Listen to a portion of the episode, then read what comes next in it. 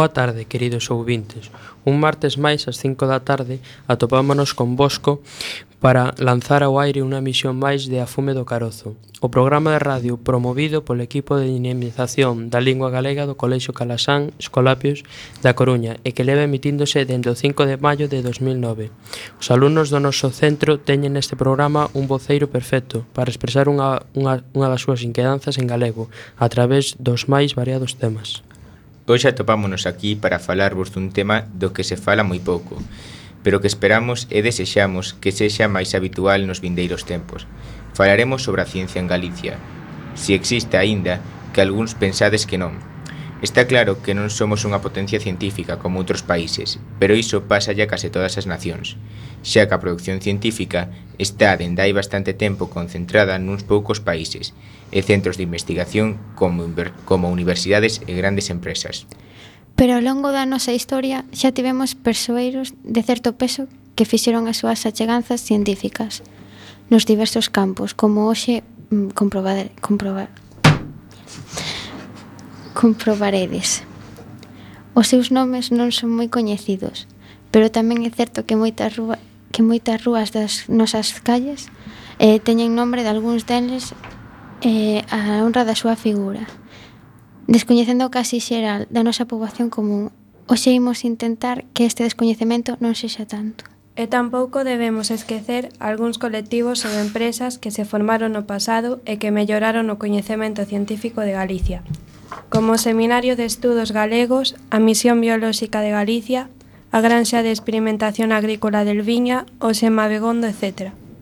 Antes de comenzar a dibuxar os contidos de hoxe, poñeremos algo de música, pero non debemos facelo sen antes presentarmos as nosas que on imos acompañar. Eu son Pablo Fernández Freire. Eu son Juan Manuel Martís Díaz. Eu son Jaisa Ruzo Ferreiro. Eu son Clara Sevillano Bellido. A música que nos acompaña hoxe será o disco O Berro Seco, editado polo grupo Milladoiro no ano 1980, que está considerado un dos discos máis importantes da historia da música galega. A primeira canción titúlase O Berro Seco. Deixo vos con ela.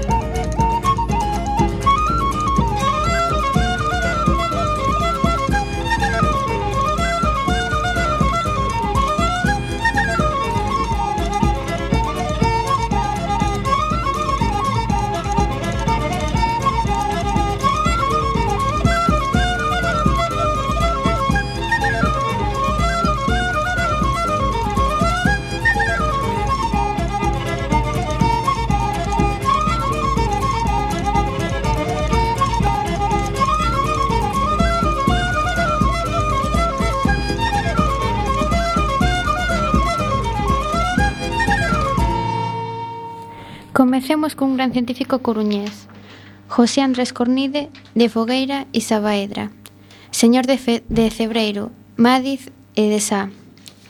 Nado na Coruña o 25 de abril de 1734 e finado en Madrid o 22 de febreiro de 1803. Foi un xeógrafo, naturalista e humanista galego, membro sobrandeiro do movimento ilustrado. O seu pai foi asesor do vicerrei de Nova España e alcalde maior da Real Audiencia de, Gali de Galicia. Herdou os títulos de señor de Mariz, Sa, Amoeiro e Cebreiro. O seu tío nome nomeouno herdeiro universal dos seus bens.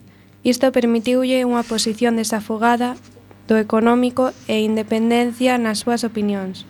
Estudou Humanidades na Universidade de Santiago de Compostela. Ingresou na Academia da Historia aos 21 anos. En 1763 foi rexedor do Concello da Coruña. En 1766 converteuse en rexedor perpetuo do devandito Concello. Foi fundador en 1765 da Academia de Agricultura do Reino de Galicia e primeiro secretario perpetuo da Real Academia de Historia 1802-1803. Entre outros cargos, ao longo da súa vida realizou completos estudios sobre historia, xeografía e economía, fundamentalmente en Galiza.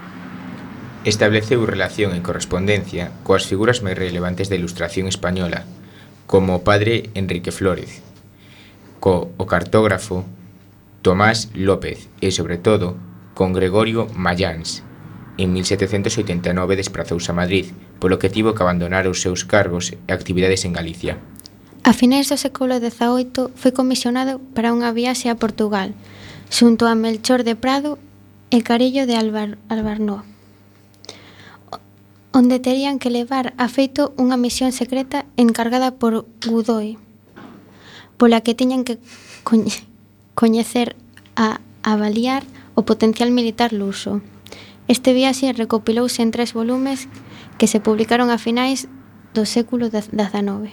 Elaborou gran cantidade de mapas, entre os que destacan os do diocese de Ourense e da de Mondoñedo, Realizou numerosas crónicas de viaxes, como o viaje desde Coruña a la Corte, ademais de cultivar literatura tanto en castelán como en galego, aínda que os seus notables poemas na nosa lingua actualmente están perdidos. As súas obras publicadas máis importantes foron Memoria sobre a pesca da sardina en costas de Galicia, 1774 Memoria Historia natural de los peces e outras especies marinas de Galicia, 1788 Las casitas Casiterides o Islas del Estaño restituídas a los mares de Galicia Disertación crítica en la que se procura probar que estas islas no son las Sorlingas, como pretende en su obra Britannia William Campbell, y las de la costa occidental del Reino de Galicia. Investi investigaciones sobre la fundación y fábrica de la llamada Torre de Hércules, situada a la entrada del puerto de La Coruña, Estado de Portugal en el año eh, 1800. Na cidade da Coruña leva o seu nome unha pequena rúa empinada que vai de Alfonso Molina a Federico Tapia, na zona onde remata a rúa Juan Flórez. Tamén hai un colexio de primaria a carón do Instituto da Sardiñeira, que o lembra. E o Instituto de Estudios Coruñeses, Xosé Cornide deixa claro que foi un dos sabios moi eminentes que naceu na nosa cidade. Ademais, aínda se conserva a súa casa, xusto en fronte do adro da Colexiata de Santa María, na cidade Bella. Pero como obviamente nin o mundo nin Galicia non rematan na Coruña, a pesar do que din algúns, imos falar agora dun curioso persoeiro que fixo un importante achega a disciplina das calculadoras mecánicas e polo tanto de informática, Ramón Silvestre Vera García, nado o 11 de decembro de 1833 en, Cu en Curantes, a Estrada, e falecido en Buenos Aires o 6 de febreiro de 1899.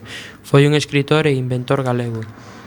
Logo de estudiar en Santiago de Compostela, emigrou a Cuba, onde traballou como mestre e escribiu dúas novelas, La Cruz de Piedra e Una mujer con dos maridos. En 1865 trasládase a Nova York, onde inventará a súa máquina de calcular. O goberno americano concedeulle a patente o 10 de setembro de 1878, o mesmo ano no que gañou unha medalla da Exposición Mundial de Inventos de Cuba. Tamén estivo tras a construcción dunha máquina para dobrar xornais. Tras un tempo, trasládase de novo a Guatemala, exiliado, exiliado poa súa forte oposición á política, colonialista americana e despois a Bos Aires, Nesa cidade fundaría a revista O Progreso e seguiría publicando e exercendo de xornalista. Morreu só e pobre na capital argentina, sendo soterrado nun panteón anónimo do Camposanto de, do Oeste.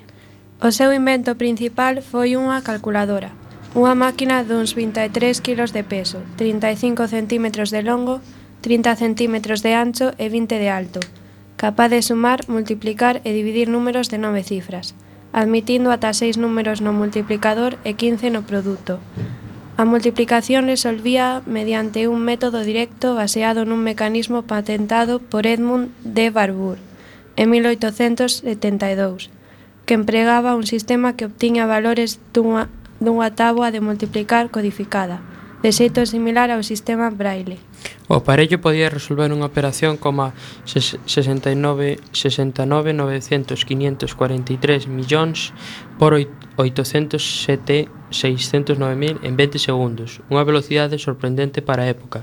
Non entanto, Beriano perseguía máis que demostrar que os españois, e non digamos os galegos, podían inventar igual que os americáns, polo que o seu invento só deixou pegada na historia da computación, como base para futuras máquinas como de Otto Seiger. Uns grandes xornais americanos louvaron o invento. A súa máquina consérvase nos depósitos da sede central de IBM, en White Plains, Nova York, formando parte da colección iniciada en 1930 por Thomas J. Watson, señor presidente fundador de IBM. Non nos conta que na nosa cidade nin nas outras grandes cidades galegas existe unha rúa ou outro tipo de equipamento público que leve o seu nome. Supoñemos que se debe a que é moi descoñecida a súa figura.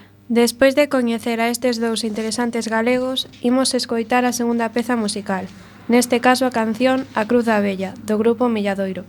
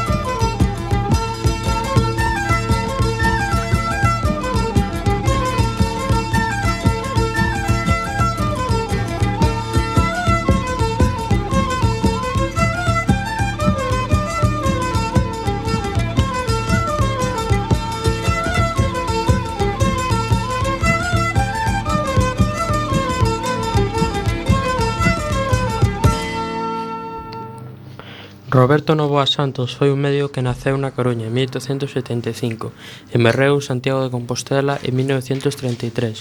Foi catedrático de Patoloxía Xeral polas Universidades de Santiago de Compostela e Madrid. Deu conferencias en Francia, Alemania, Austria, Cuba, Argentina e Uruguai. Logo de estudiar Medicina en Santiago de Compostela, comenzou a docencia como profesor auxiliar de Patoloxía Xeral na Facultade de Medicina de Santiago. En 1911 foi a estudiar filosofía e patoloxía a Francia, Austria e Alemania. Cunha bolsa da Xunta de Ampliación de Estudos, nesta estaría publicou un total de seis traballos científicos. A súa volta obtivo a Cátedra de Patoloxía en Santiago. Deixou máis de 200 traballos publicados. No seu haber, esta fundación é a dirección de varias revistas de divulgación científica, e a potenciación de foros médicos en Galicia.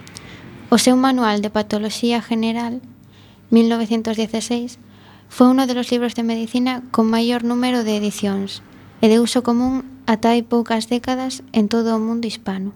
Canso de aturar iniquidades e inercias do pasado na bella Facultade de Fonseca, presentouse a unhas oposicións para obter traslado a Madrid. En 1928 arrastrando a capital a boa parte do equipo de xoves investigadores que tiña en Santiago. Na Universidade Central quedou a súa pegada docente e a súa escola de investigación durante a media dúcia de anos que lle permitiu vivir un cancro. Pouco tempo antes de morrer, Novoa iría a Argentina durante 4 meses a explicar un curso en 1932, formando parte da cúpula da AJAE, como xa fixera anteriormente en 1928. Cuba, na nosa cidade hai unha rúa que leva o seu nome, moi cerca do Parque Europa. Agora pasamos dos seres humanos ás plantas e animais. Víctor López Seaone foi un zoólogo e botánico nado en Ferrol e morto na Coruña en 1900 Foi un naturalista galego probablemente o máis importante do século XIX, que realizou importantes traballos sobre a fauna e a flora de Galicia, especialmente nos eidos da etomoloxía e ornitoloxía e a herpetoloxía. A súa fama foi recoñecida por numerosos expertos nacionais e estranxeiros, algúns dos cales deron o seu nome para catalogar e bautizar novas especies de plantas, como a serratula seoane, sen, un grisántemo, insectos como dorcadión seoanei ou o cebreiro seoanei e reptiles como a víbora seoanei, entre outras. Esta última denominaba comúnmente como víbora de seoane e posiblemente a máis característica da herpetofauna. Foi bautizada co seu nome polo zoólogo francés Lataste, en recoñecimento ao eminente labor de Víctor Seoane. Estudou bacharelato en Santiago de Compostela e marchou posteriormente a estudar a Madrid, onde cursou as carreiras de Medicina e Ciencias, simultaneamente. Proseguiu estudos en Andalucía. Unha vez rematada a carreira de Medicina, volve a Galicia en 1862. En 1874 comeza os estudios de Dereito en Santiago, obtendo a licenciatura na Universidade de Oviedo.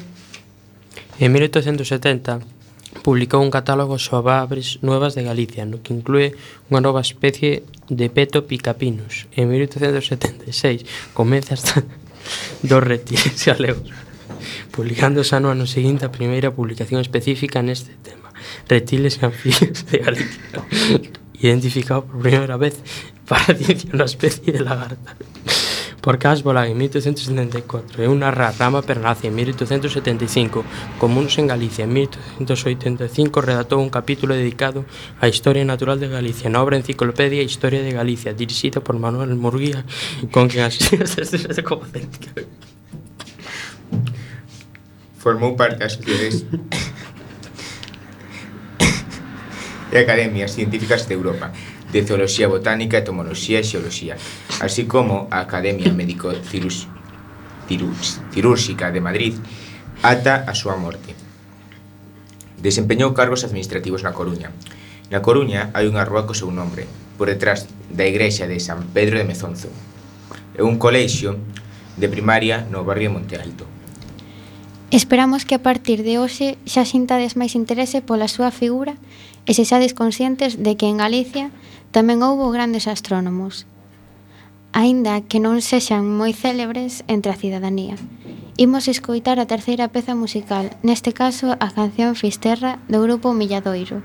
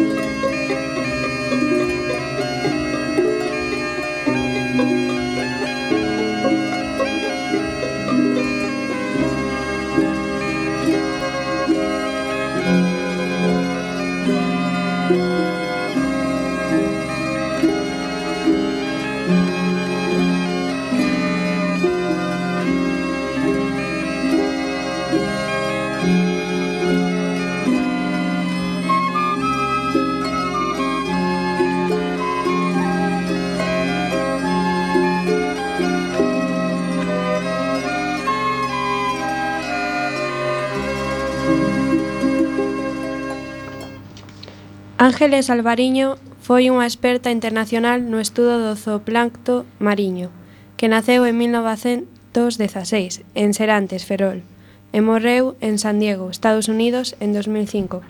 Ángeles Alvareño describiu 22 novas especies de zooplancto mariño e foi considerada en autoridade mundial en tres grupos de organismos do mar, os queontanos, os sinonfanos e os hidromeduses. Como muller formou parte do grupo de científicas pioneiras en Galicia e en España. Na oceanografía biolóxica, a súa carreira científica acadou a excelencia polo acceso a centros de investigación estranxeiros de vanguarda. Ingresou no Instituto Concepción Arenal en xuño de 1928 para realizar os estudos secundarios. Acadou o título de bacharelato en 1933 na Universidade de Santiago de Compostela. En 1934 comenzou os estudos na Universidade de Madrid. Pretendía cursar medicina, pero o seu pai, médico, opúxese e estudou ciencias naturais. Viviu na residencia de estudantes e aproveitouse do seu estimulante ambiente cultural Esa situación viviuse, viuse interrompida polo peche das aulas e a causa da sublevación militar contra a República e a conseguinte Guerra Civil, 1936-1939. Volveu para Ferrol e, de, e dedicou o tempo de parálise académica a aprender idiomas estranxeiros. Casou en 1940 con Eugenio, con Eugenio Leira Manso, capitán da Marilla de Guerra. Unha vez que volveu a actividade á Universidade de Madrid, Alvareño continuou cos seus estudios, licenciándose en 1941. Retornou a Ferrol e ata 1948 impartiu docencia de Ciencias Naturais en centros de educación secundaria da cidade. Ese ano trasladouse coa familia a Madrid e iniciou a súa carreira investigadora como bolseira no Instituto Español de Oceanografía, IEO, formando parte da segunda xeración de oceanografa, oceanógrafas españolas. En 1952 foi nomeada axuante de laboratorio con destino no laboratorio de IEO en Vigo. A carreira profesional de Alvariño deu un paso decisivo cando en 1953 recibiu unha bolsa do British Council para realizar investigación sobre o zooplancton no laboratorio de bioloxía mariña de Plymouth, Inglaterra. Ali, durante dous anos, traballou co salientable biólogo mariño, Frederick Straten Russell no estudo de diferentes grupos do zooplancto, quetognatos, medusas, sifonoforos, cetenoforos. Deste xeito, iniciou o camiño que a levaría a converterse nunha experta mundial nestes grupos de zooplancto, e no ictioplancton, ovos de larvas de peixes, e atribuíselle o feito de ser a primeira científica que traballou a bordo de buques de exploración británicos. En 1955, ao remate da bolsa en Plymouth, volveu ao laboratorio de Vigo. Continuou co estudio do placto e comezou a deseñar e fabricar redes de placto, que pasaba aos barcos pesqueiros e aos buques de investigación para a recollida de mostras. Iso permitiulle estudiar o zooplacto do Atlántico Ibérico, do Mar Mediterráneo e da Terra Nova. Asemade, realizou estudios sobre o contido estomacal do, do bacallau e outras especies. Os seus primeiros traballos de investigación apareceran no boletín do IEO entre 1951 e 1957. O principal grupo biolóxico no que focalizaba as súas pescudas, os ketornatos, son seres que posúen un interese especial debido á súa utilización como indicadores de determinadas condicións ambientais e pesqueiras en Estados Unidos atopaban os principais expertos na materia. Por iso alí marcharía Alvariño para completar a súa formación. Obtivo unha bolsa da Fundación Fulbright para ir traballar a Massachusetts, onde colaborou durante os anos 1956 e 1957 con Mary Shears, zooplanctóloga, experta en sifonóforos e presidenta do primeiro Congreso Internacional de Oceanografía. Posteriormente, Serge recomendaría o primeiro Congreso Internacional de Oceanografía, director outro Instituto Oceanográfico Californiano. Nesa institución traballou desde 1958 ata finais de 1969, período no cautivo diferentes bolsas de estudio nos Estados Unidos. Estableceuse en Lowa, Laboratorio Acomodado de San Diego, uníndose o seu marido en 1966, ao retirarse da Mariña. En 1966 obtuvo cidadanía norteamericana. Estudou miles de mostras planctónicas obtidas nos océanos atlánticos, Pacífico e Índico. Abundan as procedentes da área de California, pois, desde 1950, naquelas augas realizábanse mostraxes mensuais de placto, motivados pola desaparición dous anos antes da sardiña californiana e da industria conserveira regional. O material de estudio recollido entre 1952 e 1965 daría lugar a un singular traballo Los Ketognatos del Atlántico. Distribución y notas esenciales de sistemática, 1969. Polo que obtivo o doutorado en Ciencias, sección Biolóxicas, pola Universidade de Madrid en 1967. Nel estudou un material recollido entre 1952 e 1965. Descubriu unha trintena de especies, incluindo a revisión dos caracteres morfolóxicos esenciais das mesmas, ilustracións e notas complementarias sobre os diferentes estados de madurez sexual. En 1970 ingresou nun prestixioso Instituto de Investigación de California. Alí xubilouse en 1987. Se ben pasou á categoría de científico emérito e puido continuar coas súas pescudas. Nese período realizou diversas estadías como profesora asociada ou visitante nas Universidades Autónoma de México, Federal de Paraná, Brasil, San Diego e no Instituto Politécnico Mexicano. A investigación de Alvariño centrouse na distribución xeográfica e na ecoloxía do zooplacto, especialmente a distribución de ketognatos e sifonóforos nos océanos Pacífico e Antártico, e nas relacións entre o zooplacto e o medio ambiente mariño. Examinou os efectos da depredación do zooplato sobre a supervivencia de larvas de peixe e o impacto da pesca. Identificou especies que teñen un valor como indicadoras de correntes oceánicas e outros elementos da dinámica oceánica. Tamén estudou o transporte artificial do platón en novas áreas do océano entre 1977 e 1979. Coordinou a investigación oceánica dos países hispanoamericanos.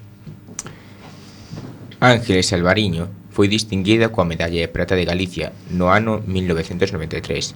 A Universidade da Coruña dedicoulle a Semana das Ciencias en 2005 e o Concello de Ferrol rendeulle unha homenaxe póstuma no campus de Esteiro, onde se descubriu unha placa conmemorativa na súa honra. No ano 2012, o Instituto Español de Oceanografía, IEO, construiu un novo buque oceanográfico ao que lle puxo o nome Ángeles Alvariño. Esperemos que coñecer a historia de Ángeles vos faga conscientes de que en Galicia tamén houbo e siga habendo grandes mulleres científicas, aínda que non sexan moi célebres entre a cidadanía. Imos escoitar a carta peza musical, neste, caos, neste caso, a canción Muiñeira Bella de Mordomo do grupo Milladoiro.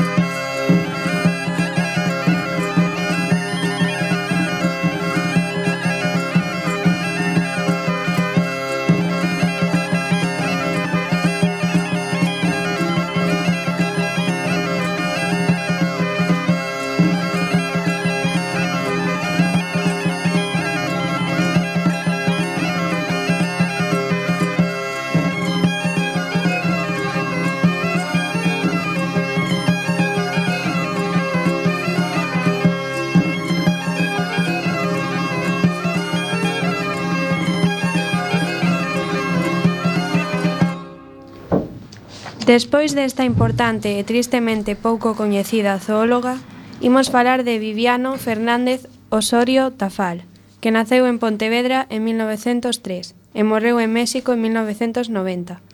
Foi biólogo e enxeñeiro agrónomo, aínda que se cadra destacou máis como alto funcionario en institucións internacionais.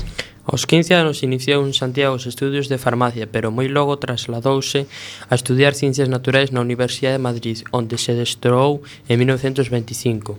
Maila ter que sufrir o golpe de estado de Primo Rivera en Madrid. Viveu na residencia de estudiantes que o puso en contacto cos principios da institución libre da enseñanza e da Junta para Ampliación de Estudios que en 1932 obligou para ampliar os estudios en Alemanha, onde estudiou en máis renovadores técnicas de selección e híbridos de sementes no Kartoffen Institute de Berlín.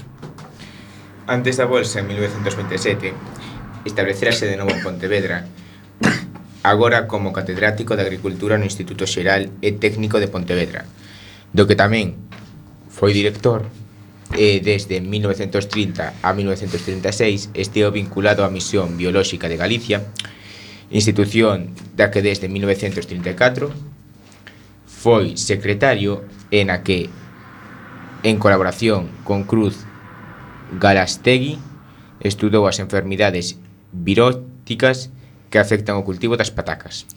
Ademais da fitopatoloxía, Tafal tamén se ocupou da bioloxía mariña a través da Estación Biolóxica Mariña de Marín, centro promovido polo naturalista e arqueólogo Ramón Sobrino Buigas, no que realizou diversas investigaciones sobre fitoplancto. Participou nas súas actividades e dirixiu algunhas excursións científicas que os alumnos facían polas costas portuguesas. Pero no ano 1936 cambioulle a vida, como a tantas outras persoas. Foi alcalde de Pontevedra, presidente da Deputación e deputado nacional en dúas legislaturas. Osorio Tafal foi comisario xeral do Exército da República Española. Abandonou París cinco días antes da invasión xermánica e iniciou o camiño do exilio. Chegou a México a, segun, a súa segunda patria en 1941. No exilio foi nomeado profesor da Universidade Autónoma do Instituto Politécnico Nacional e recaudou a actividade investigadora desde o Laboratorio de Hidrobioloxía e na Escola Nacional de Ciencias Biolóxicas de México, sendo a sendo aínda hoxe moi valorados científica e socialmente. Moitos dos seus estudios e propostas como e defensa do mar patrio, patrimonial de México. No 1948 incorporouse a ONU. No 55 Foi director da Oficina de Agricultura en Chile e logo en Indonesia e no Exipto. Xubilase como subsecretario xeral da ONU. Despois de tantos anos de percorrer tantos mundos e de expresarse con competencia lingüística en inglés, francés, alemán, italiano e portugués e con coñecementos aínda que non tan solventes de ruso, indonesio, árabe e grego, nos últimos anos da súa vida Tafal viaxou a Galicia en catro ocasións e sempre se expresou en galego. E a continuación seguimos con outro enxeneiro agrónomo, agrónomo Cruz Galestegui, Unamuno. Nada en Vergara, Guipúzcoa, en 1891 e morto en Pontevedra en 1960. A súa formación foi en lugares como Limoges, Francia, ou en Ein, Alemania e Estados Unidos, onde obtuvo os doutorados pola Universidade de Cornell e Harvard. En 1921 desembarca na Coruña e xunto co seu amigo Juan López Suárez convence na Junta de Ampliación de Estudos, JAE, da que formaba parte o Premio Nobel Santiago Ramón y Cajal, para que se crea a Misión Biolóxica de Galicia, un centro de bioloxía aplicada á agricultura. En abril de 1921 nace a Misión Biolóxica con sede en Santiago e Gallestegui de director, no que agora é o actual edificio do Parlamento de Galicia, daquela Escola de Veteranía, e o primeiro que se fixo foi plantar millo na parcela de media hectárea da horta. Esta actividade foi a primeira de España e a segunda de Europa en facer traballos de hibridación de cereais. Primeiramente traballaron na hibridación do millo, e o andazo da tinta dos castiñeiros, ademais de outros estudos enéticos, e foi grande impulsora da mellora e da modernización da agricultura galega. A misión permaneceu en Compostela de 1921 a 1926, ano no que se quedou sen local ao desaparecer a Escola Vete Veterinaria, pero en 1927 vai para Pontevedra, primeiro na finca da Tablada e máis tarde na Granxa e Pazo de Gandarón, en Solcedo, onde aínda se ubica na actualidade. A pesar das incertezas que provocou a Guerra Civil, En 1931, a misión biolóxica pasa a depender do Concello de Investigación Científicas, como aínda é agora. En 1945 concedeuselle a encomenda de Cabaleiro da Orde do Mérito Agrícola e e ao ano seguinte a Gran Cruz de Alfonso X o Sabio. Dirixiu a misión ata o momento mesmo da súa morte, moi preto da súa mesa do laboratorio, en 1960. En 1962, a revista de Economía de Galicia, en cuxa xestación tamén participou, dedicoulle un número especial baixo o título Homenaxe a, Ga a Galastegui. Imos escutar a quinta peza musical, neste caso a canción Na Cova da Barxa, do grupo Milladoiro.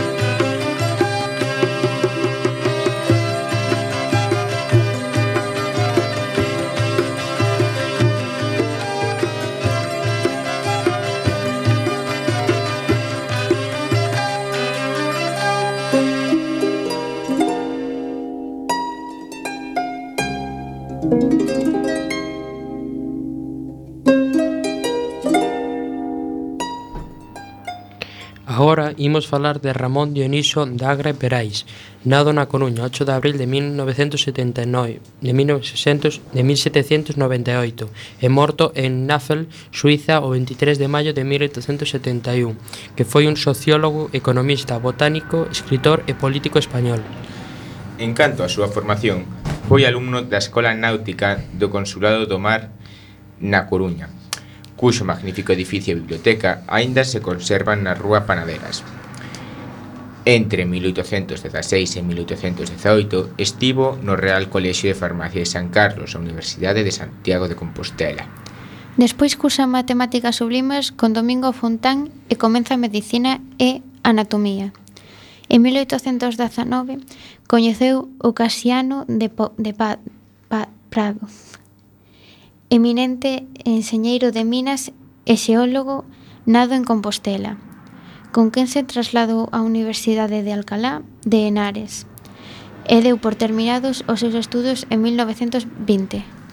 Xa casado, o 25 de xuño de 1823, zarpa de España para a Habana, como director do seu xardín botánico e profesor da Cátedra de Botánica, creada en 1824 en a que estará ata 1832.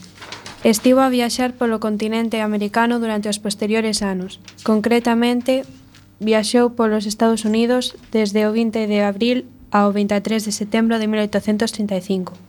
E froito da viaxe foi o seu libro Cinco meses nos Estados Unidos da América do Norte cheo de observacións económicas, sociais e políticas.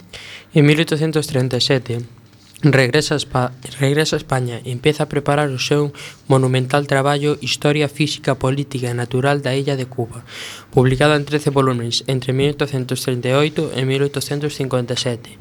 Viaxou logo por Francia, Bélxica e Holanda, diferentes países como España e Francia. Ten algúns problemas debido ás súas inclinacións socialistas e anarquistas. A abreviatura SAGRA emprégase para indicar a Ramón de la Sagra como autoridade na descripción e clasificación científica dos vexetais. Na cidade da Coruña, Ramón de la Sagra dá nome a unha pequena rúa perpendicular a Federico Tapia, preto da Praza de Vigo. E tamén queremos lembrar a figura de Don Domingo Quiroga Ríos, 1900-1992, o cal tivo un papel sobrandeiro na defensa dos recursos naturais e do medio ambiente de Galicia. Foi o primeiro presidente da Asociación para a Defensa Ecolóxica de Galiza, ADEGA, asumindo dito cargo aos 74 anos de idade. Contribuiu a chamar a atención sobre os perigos da enerxía nuclear e dunha industrialización non respetuosa co medio ambiente.